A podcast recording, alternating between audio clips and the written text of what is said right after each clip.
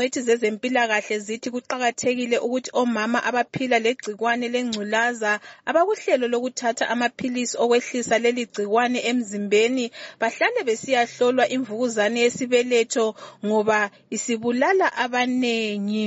Umqondisi wesibhedlela sempilo Central Hospital koBulawayo udokotela Solwayo Ngwenya uthi laloba umuntu ezinathela kuhle amaphilisi imvukuzane yomlomo wesibeletho iyabasusela amanqe ngakho kabahlolwe sikhathi sonke. Namhla udaba esilukhulumayo ludaba lolo olwabomama abanatha amaphilisi amagcikwane kuthiwa ngama ARVs.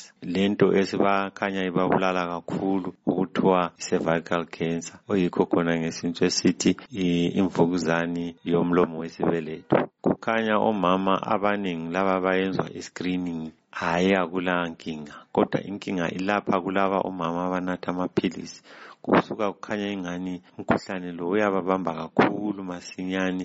Ukuthi uyathola ukuthi inyanga ezintathu kusiya ku six months. Umuntu usedliwe ngumkhuhlane angasa operatheki uqhubeke ekhuthaza ukuthi labo asebaqeda ukuzala ukuba bakhutshwe isibeletho. Njengoba kunjalo mina ngizama ukuxwayisa omama ukuthi ngabe kwenzeka ukuthi bahambe bayekhangelwa lokhu ngezikhathi six months six months bekhangelwa behlolwa ngama-pap smear kubodokotela ukuthi abalakho okusaqalisa ukuthi kube yimvukuzane ngoba imvukuzane iyabe sekutulethe njalo labo mama sebaqeda ngiyabaxwayisa ukuthi bangakhuluma labodokotela nxa bengakhiphi isibeletho siseziphume konke lomlomo waso. Mbona impilo yabo ingaba ngcono kakhulu. Udokotela ngwenya uthi imihlobo yemvukuzane yesibeletho minengi kodwa isuka ibe lobudlelwano legcikwane lengculaza ibe isihlasela ngolaka. Okaningi umkhuhlane wemvukuzane lo womlomo wesibeletho kule virus okuthiwa yi-human papilloma virus i-virus le ingama-type amaningi kakhulu. Kulezinye i-type ukuthi ingakubamba imvukuzane iyaphuma masinya masinya kube lemvukuzane kukhanya ukuthi nxa umuntu enatha amagcikwane imvukuzane le ibisisebenza-ke le gcikwana lele le-HIV lokhu kokubili-ke a imvukuzane yakhona ilumatha okwamagama. Ezimbabwe uthi ikhona imithi yokuvikela imvukuzane kodwa ayeneli umuntu wonke. Kwamanye amazwe abantwana bayahlatshwa ama-vaccine lawa kuthiwa ngawe human papilloma virus bengakafikisi iminyaka engu-12 manje lapha akhona ama-vaccine angkhona kodwa kayeneli ukuthi umuntu wonke yatshwe uqhubeke echasisa ezinye izibonakaliso zemvukuzane le ungwenya.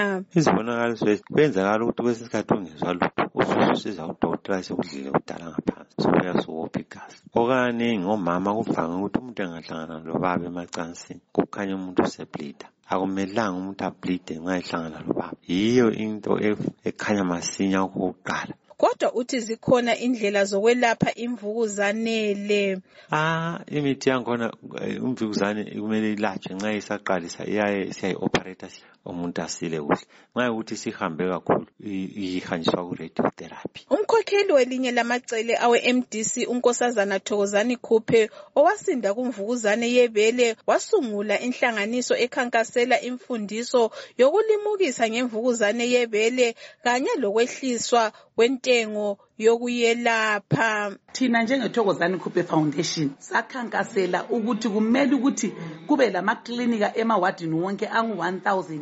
958 ukwenzela ukuthi abantu babe lezibhedlela eduzane labo ukwenzela ukuthi bahambe phela bayehlolwa le imvukuzane okuthiwa icancer sakhankasela ukuthi icancer i-treatment yangikhona ichiphe phela. Inyanga kamfumfu yahlelwa ngumhlaba jikelele ukuqakathekisa imikhankaso yokulimukisa uzulu ngomkhuhlane wemvukuzane yebele i-breast cancer awareness month ngoba isithethe imphefumulo yabantu abanengi njalo ayikhethi ukuba ihlasela siphi isigaba sabantu. Imvukuzane yomlomo wesibeletho yona ibikwa sekuyiyo ekhokhelayo ekuthatheni imphefumulo yabesifazana abakuhlelo lwe-art therapy. Lumkhuhlane uhlasela omama lehlekana labobaba abantwana amantombazana labafana. Abantu sebekhuthazwa ukuyahlolwa kungela mbadalo ezibhedlela zakobulawayo e-ubh lempilo central hospital. Ngimele istudio 7 ngikobulawayo. Ngingu-anastasia ndlovu.